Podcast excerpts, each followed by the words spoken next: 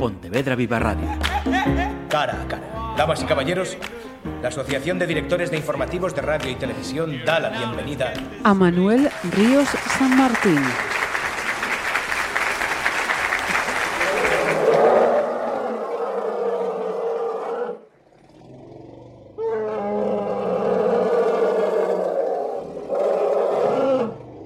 El miedo a ser devorados es lo que empuja a los animales a buscar refugio, a subirse a los árboles, juntarse en grandes manadas o esconderse bajo tierra.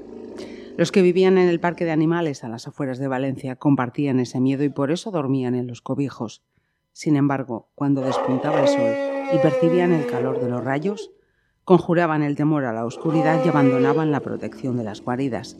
Ver el amanecer, respirar y alimentarse un día más está impreso en el ADN de todos los seres vivos. Y así, cada mañana, desde el principio de los tiempos, sobrevivir para transmitir los genes.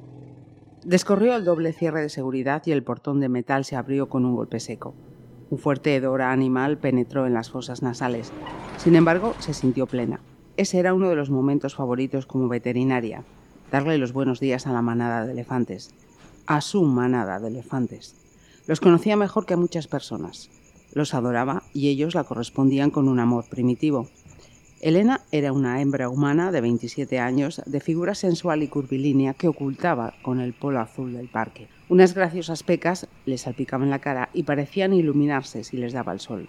Unos pasos por detrás iba Cristina, otra hembra humana, morena, estilizada y fibrosa, más elegante.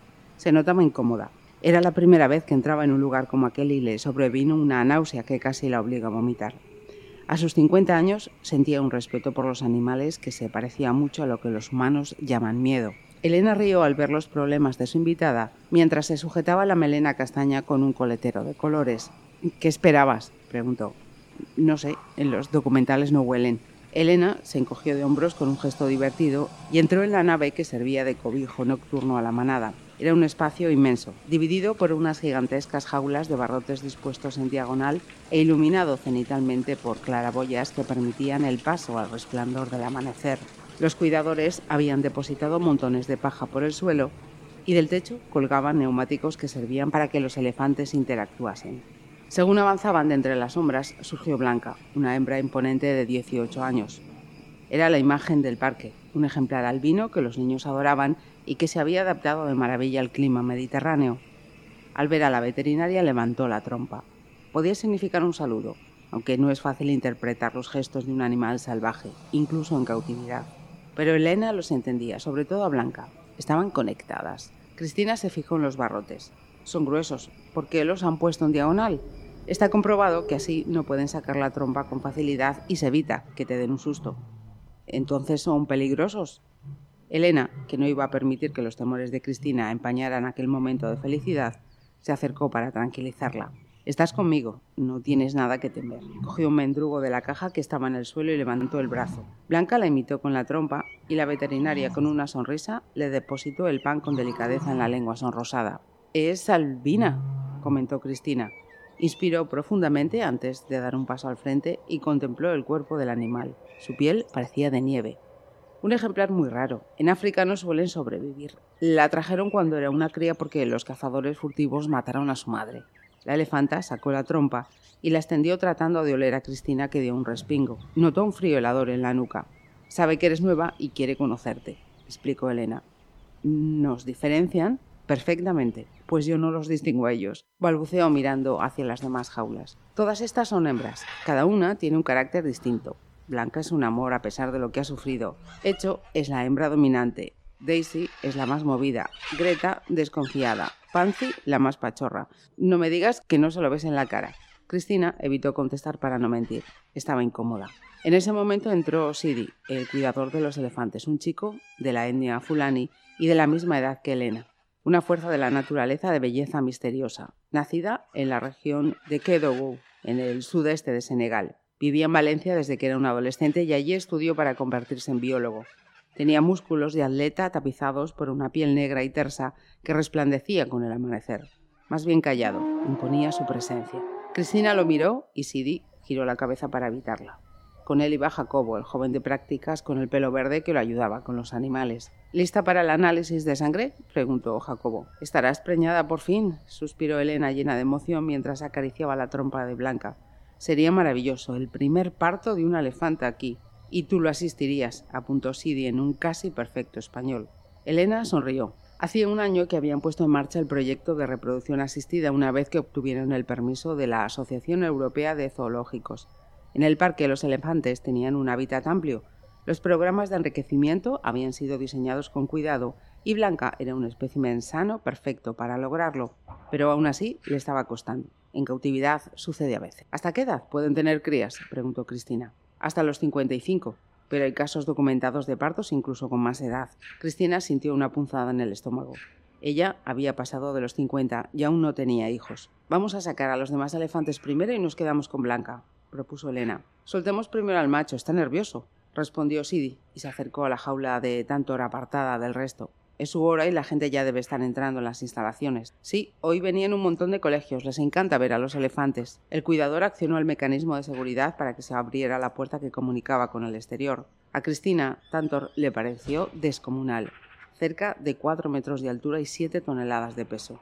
Una bestia casi imparable que los humanos conseguían controlar con inteligencia. El paquidermo barritó ansioso por salir al sol y ella dio nuevo respingo.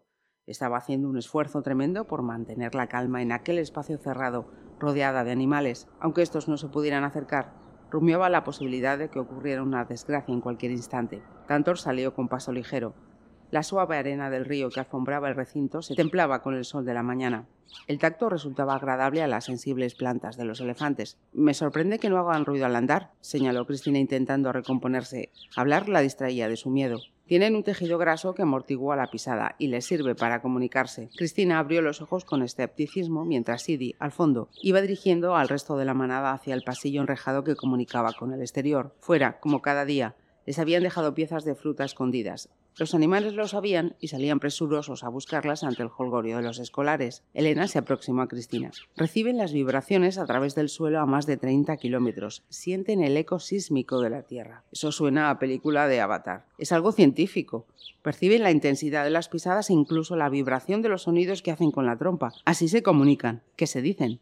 Donde hay agua, o se avisan de la presencia de leones, por ejemplo. ¿Y eso cómo lo sabéis? Al reproducir grabaciones de sonidos de depredadores, la manada se reagrupa y coloca en el centro a las crías para defenderlas. Cristina la miró impresionada. Era ingeniera informática y CEO de una gran empresa de componentes electrónicos, nada más lejos de la vida salvaje. La aversión que sentía desde niña hacia los animales le había impedido en varias ocasiones entrar al recinto, a pesar de lo importante que era para Elena. Acompañarla esa mañana suponía todo un triunfo. Y todo indica que las hembras poseen más sensibilidad, añadió Elena con un guiño al rozarle la mano. Te apasiona todo esto, dijo Cristina sonriente por fin. Son mi vida, es mi vida. Blanca tenía que haber venido antes, afirmó consciente de que había perdido una faceta esencial de Elena. Sidi miró de reojo a la pareja y accionó un mecanismo. El ruido metálico resonó por toda la nave y sacó a la veterinaria de la ensoñación en la que ya se imaginaba cuidando al bebé elefante. La puerta de la jaula de Blanca se abrió al tiempo que Jacobo preparaba la manguera. Blanca, here, Blanca, dijo Elena con voz suave. Here. ¿Come here? preguntó Cristina. Come here, en idioma elefanto, explicó divertida. Cristina vio cómo la elefanta obedecía las indicaciones de Elena, que la guiaba con el movimiento de sus manos como si fuera un baile. Se aproximó hasta el gigantesco box enrejado en el que se hacían los análisis de sangre y acarició la cara de la veterinaria con la trompa. Son seres sensibles, dijo, buscando el kit de análisis. ¿Crees que podría estar embarazada? Eso espero. Blanca estaba entrenada y se dio la vuelta según las indicaciones de Sidi, que levantó el brazo y abrió la mano. Era la señal para que sacase la oreja entre los barrotes. Jacobo apuntó la manguera con agua caliente hacia la sábana de piel del paquidermo. Así se dilatan las venas y es más fácil pincharla, explicó Elena mientras cogía una escalera de cuatro peldaños y colocaba al lado de Blanca. Me vale, anunció a su compañero. Jacobo retiró el chorro y la elefanta se dejó pinchar mientras comía el pan que le ofrecía Sidi. Elena llenó varios tubos de sangre, los colocó en una gradilla, le acarició la trompa y bajó de la escalera. La elefanta comprendió que le tocaba salir a la réplica del hábitat africano en el que pasaban el día. Atravesó la compuerta y corrió a comer fruta. Con la luz del sol su piel adoptaba un ligero tinte rosado. Se oyeron de fondo los gritos de niños, emocionados. Elena le hizo una señal a Cristina para que se acercara. Desde el portón abierto se podía contemplar un impresionante espacio de más de 100.000 metros cuadrados que recreaba la sabana con enormes baobabs construidos de hormigón y resina de poliéster, rocas gigantescas y un lago con cascada en el que la manada podía jugar y bañarse.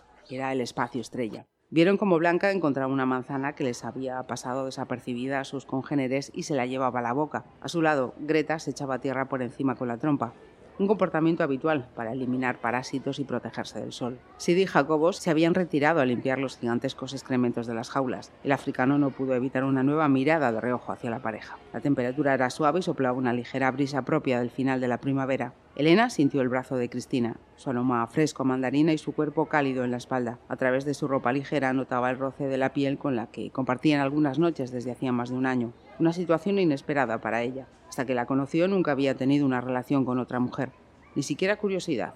Pero Cristina era madura, sensual, elegante y segura de sí misma, salvo por su fobia a los animales. La hacía reír, la cuidaba, era atenta, detallista. Cristina aspiró el olor de la piel de su amante y la besó en el cuello. Elena sintió cómo la respiración de ambas se aceleraba y olvidándose por un momento de dónde estaban, aproximó los labios. El beso, húmedo e intenso, se prolongó hasta que un ruido sordo, seguido por un desconcertante silbido, hizo que se separasen. Elena miró hacia el exterior.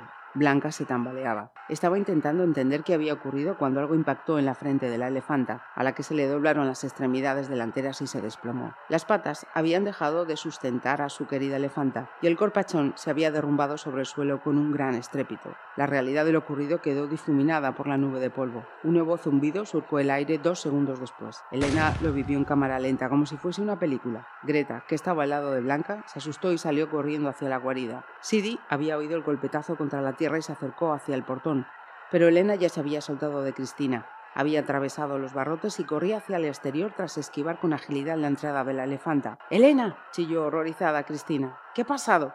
Preguntó Sidi cuando llegó a su altura. No sé, balbuceó temblando y señaló hacia el parterre. Sidi miró al exterior y vio a Elena que se detenía junto al animal herido. El resto de los paquidermos no entendía tampoco lo sucedido ni por qué uno de ellos yacía en el suelo. Se acercaban despacio hacia Blanca, alterados. Los visitantes del parque, que habían llegado temprano, corrían despavoridos. Los niños lloraban y gritaban abrumados. Un vigilante de seguridad trataba de poner orden en el caos. Elena rodeó el cuerpo de la elefanta hasta contemplarle la cara. Lo que vio le congeló la sangre. Un disparo en el hombro y otro certero en la frente. Sin pensar en que ella también pudiera peligrar, trepó por una de las patas hasta situarse cerca del ojo derecho que todavía conservaba un atisbo de vida. Blanca gimió acariciándola. Blanca abrió el enorme párpado con largas pestañas y vio a su veterinaria. Cristina permanecía absorta, bloqueada. Sidi se asomó al portón y empezó a llamar al resto de los elefantes. Kamji Panzi, Kamji Tantor. Las hembras escucharon la llamada, captaron la voz de angustia del cuidador y entraron en pánico. El miedo se huele. De manera desordenada corrieron hacia el interior del cobijo empujándose las unas a las otras. Sidi se guareció detrás de los barrotes y gritó a Jacobo para que abriese los portones. Tan solo el macho se quedó afuera, de pie al lado de Blanca y Elena. Levantó la trompa, abrió las orejas amenazador y barritó con potencia con la mirada en el infinito. Un charco rojo cada vez más abundante bañaba la arena. Tantor acercó la trompa a la sangre y la olió mientras Sidi llamaba desesperado a su compañera. Elena, entra, puede ser peligroso. Se asomó con cautela intentando adivinar de dónde había provenido el disparo. Pueden volver a disparar, murmuró Cristina aterrada. Elena abrazaba a la elefanta. Blanca, Blanca. La elefanta miró a su amiga por última vez. Elena, en shock, seguía ahogada en sorpresa y dolor. Con ternura le acarició la trompa y le cerró los ojos para siempre.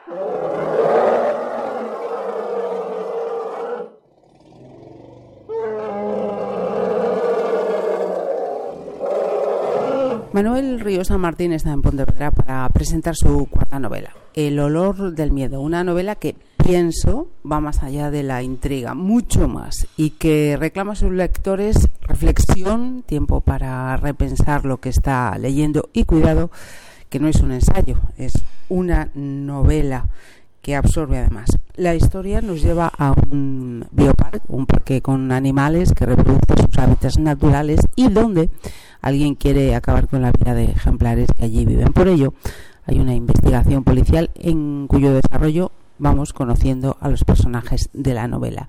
Antes de arrancar con la primera pregunta, después de todo este speech, eh, Manuel, gracias por atendernos en primer lugar. No, encantado de estar aquí.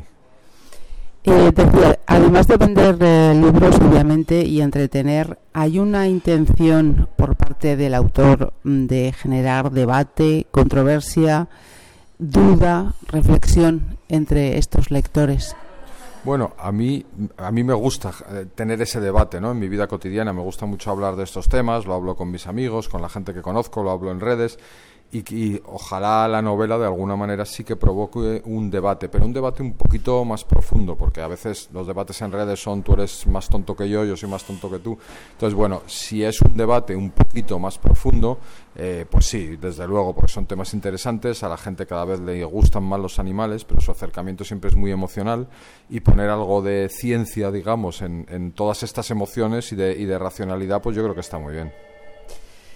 Eh, lo leerán, igual interpretarán eh, humanistas, animalistas o como aparecen en la novela especistas. Yo creo que cada uno tendrá su lectura, ¿no? Siendo las mismas líneas, las mismas palabras. Sí. Sí, antiespecistas, o sea, están en contra de que seamos eh, distintas las especies, ¿no? que tengamos distintos derechos. Claro, cada uno tendrá un planteamiento eh, pues muy diferente. Es verdad que a veces se hace mucho ruido en redes, eh, y algunos grupos son minoritarios, pero hacen mucho ruido en redes, y, eso puede generar la sensación pues, de que, de que la, sociedad es distinta de la que es. Ah, bueno, si se genera debate estará bien, ya te digo, mientras sea educado y con planteamientos y con explicaciones y no con insultos o, otro tipo de agresiones. No sé si es más difícil ese ejercicio que el que... En fin, hay dos eh, nombres que aparecen en este libro, Félix Rodríguez de la Fuente y Juan Luis Arzuaga. ¿Cómo han influido ambos en, Manuel Ríos? Pues bueno, Félix Rodríguez de la Fuente, desde que yo era niño, eh, mi madre me leía sus enciclopedias, eh, casi en vez de los cuentos infantiles, ¿no? Me encantaban. Y, veía sus programas de televisión, como todos los niños de mi edad y Juan Luis Arzuaga porque hace, yo creo que hace esos análisis sobre la vida, sobre la evolución, desde un punto de vista científico, pero muy divulgativo. Y en esta novela en concreto hay una frase suya que me, que me llamó mucho la atención y que la utilizo, y es que hoy tendemos a pensar que los animales se parecen a nosotros, ¿no? Y buscamos que se, porque somos tan egocéntricos que somos el centro e intentamos que ellos se parezcan a nosotros. Y Arsuaga le da la vuelta a este comentario dice que al revés, que somos nosotros los que nos parecemos a ellos. O sea, en ellos hay el germen de muchas cosas que luego nosotros hemos desarrollado, ¿no? El amor o la justicia. O... Ellos ya tienen un germen de eso y nosotros, bueno, pues con nuestra inteligencia pues lo hemos llevado más, más lejos. Pero, pero sería más bien ese el planteamiento. Eh, de hecho, hay un, personaje, una profesora, que es quien plantea reflexiones muy contundentes y que, cita a Arsuaga con una máxima em, que me ha parecido lapidaria. La inmortalidad biológica está en la descendencia. Si no tienes niños, afectos evolutivos, es como si no hubieras existido. Eh, esto es un mazazo, depende para quien lo leamos. Y me pongo en primera persona. bueno, eso lo dijo Arzuaga.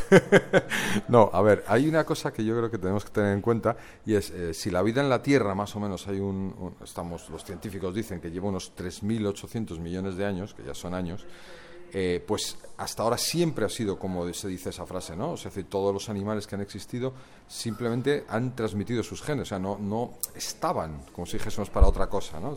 ¿no? hay una intención, pero creo que se entiende lo que quiero decir. Y ahora de repente los humanos tenemos la capacidad de decidir, o sea, nosotros ahora podemos decidir si queremos tener descendencia o si no queremos. Nadie en la historia lo ha podido decidir, solo nosotros. Y, pero hay que tener también en cuenta una cosa, y es que para nosotros, para nuestra cultura, no solo es importante eh, transmitir o no los genes, sino que es casi más importante transmitir las ideas. Entonces, eh, puede haber gente que diga, bueno, a mí transmitir los genes no me interesa, pero sin embargo sí me gustaría transmitir mis ideas, o mis novelas, o mis películas, o mi manera de ser, o, mi, o influir en los demás. Es decir, que, que hoy en día para el ser humano esta transmisión de genes es más compleja pero no se puede negar, lo que dice esa frase, que biológicamente, si no tienes descendencia, pues biológicamente pues no continúas. Otra cosa es que, que, a ver, si cuando te mueras, pues el, haber tenido hijos, no sé si te... O sea, que está bien, pero que, que te, has muerto igual. o sea, aunque tus, aunque tus genes sigan, pero tú ya no. Eso Ese, ese miedo final, ¿no? Que también hay, hay, esa, hay esa alusión, porque además la, la maternidad es un eje eh, transversal y fundamental de, de esta novela, tanto en humanos como no, no humanos. Sí, eh, un poco por este planteamiento que, que, decimos. Efectivamente, la maternidad está muy presente en la novela Y, esto este tema de transmitir los genes y eso, pues eh, tanto eh, arranca la novela con, con están intentando que la elefanta se quede embarazada y no se queda. Y, luego, pues también hay, hay humanos que, que, tampoco. O sea, pues eso vemos nuestra difícil relación con la maternidad. Hay, hay humanos que no quieren tener hijos y otros que quieren y no pueden. Y, entonces, bueno, hay tratamientos, en fin, vemos que es un problema complicado en esta sociedad que estamos un poco alejados de la naturaleza instintos, conciencia sobre la muerte, eh, el miedo, la pasión, eh, sentimientos, mm, tanto en animales, no lo sé, pero como en animales humanos, como, como llegas a nombrar. Después de haber escrito esta novela, em, ¿te posicionas? Por ejemplo, eh, ¿los seres humanos se están deshumanizando o estamos humanizando a los animales? A ver, si observásemos la historia del ser humano desde hace, no sé, ciento y pico mil años que estamos por aquí, los sapiens, yo creo que ahora es el momento más pacífico que hemos vivido, desde luego en Europa Occidental, a lo mejor en otros países no. Entonces, en ese sentido, no nos estamos deshumanizando, al revés, yo creo que vamos a un camino, lo que pasa es que es un camino lento, que son tres pasos para adelante y dos para atrás, de cada vez ser más humanos. Es verdad que también hay una cierta frialdad en ese, en ese somos más humanos, somos más correctos, somos menos violentos, pero también hay una cierta frialdad en ese. Entonces, bueno, es un equilibrio complicado, pero yo creo que vivimos en Occidente, ya digo, en uno de los momentos más pacíficos de la historia. Ahora, es verdad que tenemos una tendencia a humanizar a los animales a buscar vídeos en internet donde nos parezca que un gato hace algo que es digno de los humanos, ¿no? Pero eso para mí es muy, muy importante porque parece como que damos valor al gato al lobo o al, a cualquier animal porque se parezca a nosotros. Y la gracia de cualquier animal es que es el mismo. es decir, para que se parezca a nosotros ya estamos nosotros. A mí lo que me gusta de un delfín es que sea delfín. Que se parece a nosotros en alguna cosa, vale, pero lo bonito es que sea delfín o que sea, yo que sé, ballena o que sea conejo o que sea águila. Lo bonito es lo suyo propio. Entonces, el que se parezca o no a nosotros no le da como si dijésemos más derecho a ser protegido. O sea, yo creo que los animales hay que protegerlos, hay que proteger la biodiversidad, hay que proteger la naturaleza porque es preciosa y porque es estupenda. No porque se parezca a nosotros, porque si no, los sauces no se parecen a nosotros, ni los álamos, entonces no los vamos a proteger. Pues no, no, no tiene que ser el motivo. Eh, como digo, sería una muestra para seguir debatiendo, reflexionando y, repensando lo que hacemos, la relación del animal humano con el animal no humano. Pero mm, quería aprovechar que charlamos eh, contigo, Manuel, para preguntarte por las anteriores novelas, ya que La huella del, del mar y donde haya tinieblas se van a llevar a televisión. Eh, ¿Cómo están estos proyectos y si tú también vas a ser el productor, eh, guionista, director? ¿Cómo está? Bueno, son caminos largos y difíciles. es verdad que se, se, han vendido los derechos, pero es un proceso. Es decir, no es que ya mañana se vayan a hacer, ¿no? Falta bastante. Estoy trabajando en ambos proyectos, que pueden ser televisión o podrían llegar a ser cine, eh, y bueno, es, es, complejo. Pensemos que hay a lo mejor, yo que sé, 30.000 novelas al año y hay 5 o 6 que se llevan a, a la pantalla, ¿no? Entonces yo estoy trabajando en ello, eh, es, es, bonito porque es revisar tu material a lo mejor cuatro años después y volver a contar las cosas de otra manera porque es otro medio y, y bueno, ojalá, ojalá salgan, pero ya te digo, es un proceso todavía al que le falta tiempo y trabajo. ¿Y, te gustaría llegar hasta el final? Porque yo estaba pensando, digo, mm, ¿será porque a Manuel le gusta eh, eso, llevar todo el proceso? Ya que, ya que yo lo escribo, yo lo llevo hasta el final, ¿o ¿cómo es esto? Sí, sí, sí. En ambos casos yo con Planeta tengo el acuerdo de que si se hace alguno de esos proyectos, yo debería ser por lo menos el guionista. Entonces, en estos proyectos que estamos trabajando, eh, yo soy, soy, guionista. O sea, decir, efectivamente puedo tener un equipo con más gente, pero sí que los hago yo. O sea, porque, vamos, yo he trabajado casi más como guionista que como novelista con lo cual creo que es, oportuno. Y por otro lado, soy muy crítico con mi trabajo, porque ya la novela ya la he escrito. Entonces, si tengo que cambiar cosas, a mí no me importa. ¿no? A veces un guionista se enfrenta al trabajo de un escritor y le da cierta cosa eh, cambiar. Eh, a mí no, porque como es mío y, yo ya he contado la novela, pues al revés, como sé muy bien que son medios distintos y sé muy bien que no se cuenta de la misma manera una historia, que las emociones escritas no se reflejan igual en la pantalla, los pensamientos de los personajes, una, una serie requiere, por ejemplo, más acción, pues todo eso lo sé por mi trabajo y, creo que puedo hacer una buena adaptación. Me dan ganas de entrar en otros ah, en, otras series, ya que estamos hablando con un eh, novelista que hace guionista y que rubrica además eh, series míticas ya para la historia de la, de la televisión española. No sé si me lo permites o prefieres que para otro. Perfecto, pues vamos entonces con esa cuestión, ya que hablabas precisamente de series de televisión que requieren más acción. Estamos en un momento en el que eh, esas series de la pequeña pantalla se han puesto mm, al mismo nivel que las de la gran pantalla. No sé tú cómo desde dentro eh, vives y, e interpretas ese cambio. Hombre, a mí me gusta porque yo que he hecho más televisión que cine, eh, siempre hemos estado un poco peor considerados los que hacíamos televisión. Y, ver que se iguala y que hoy en día la gente no pone ni superior ni inferior, ¿no? Y puede ver una obra eh, audiovisual que se estrena en cines, cada vez está todo más interrelacionado. A veces hay mm, películas porque son de una única, digamos, un único episodio, como si dijésemos, pero que se emiten directamente en televisión y, hay estrenos de series que luego se llevan al cine. Entonces, bueno, es un mundo que cada vez está más entremezclado y creo que es bueno, porque si una serie es buena, es buena y da igual, o una película y da igual el formato.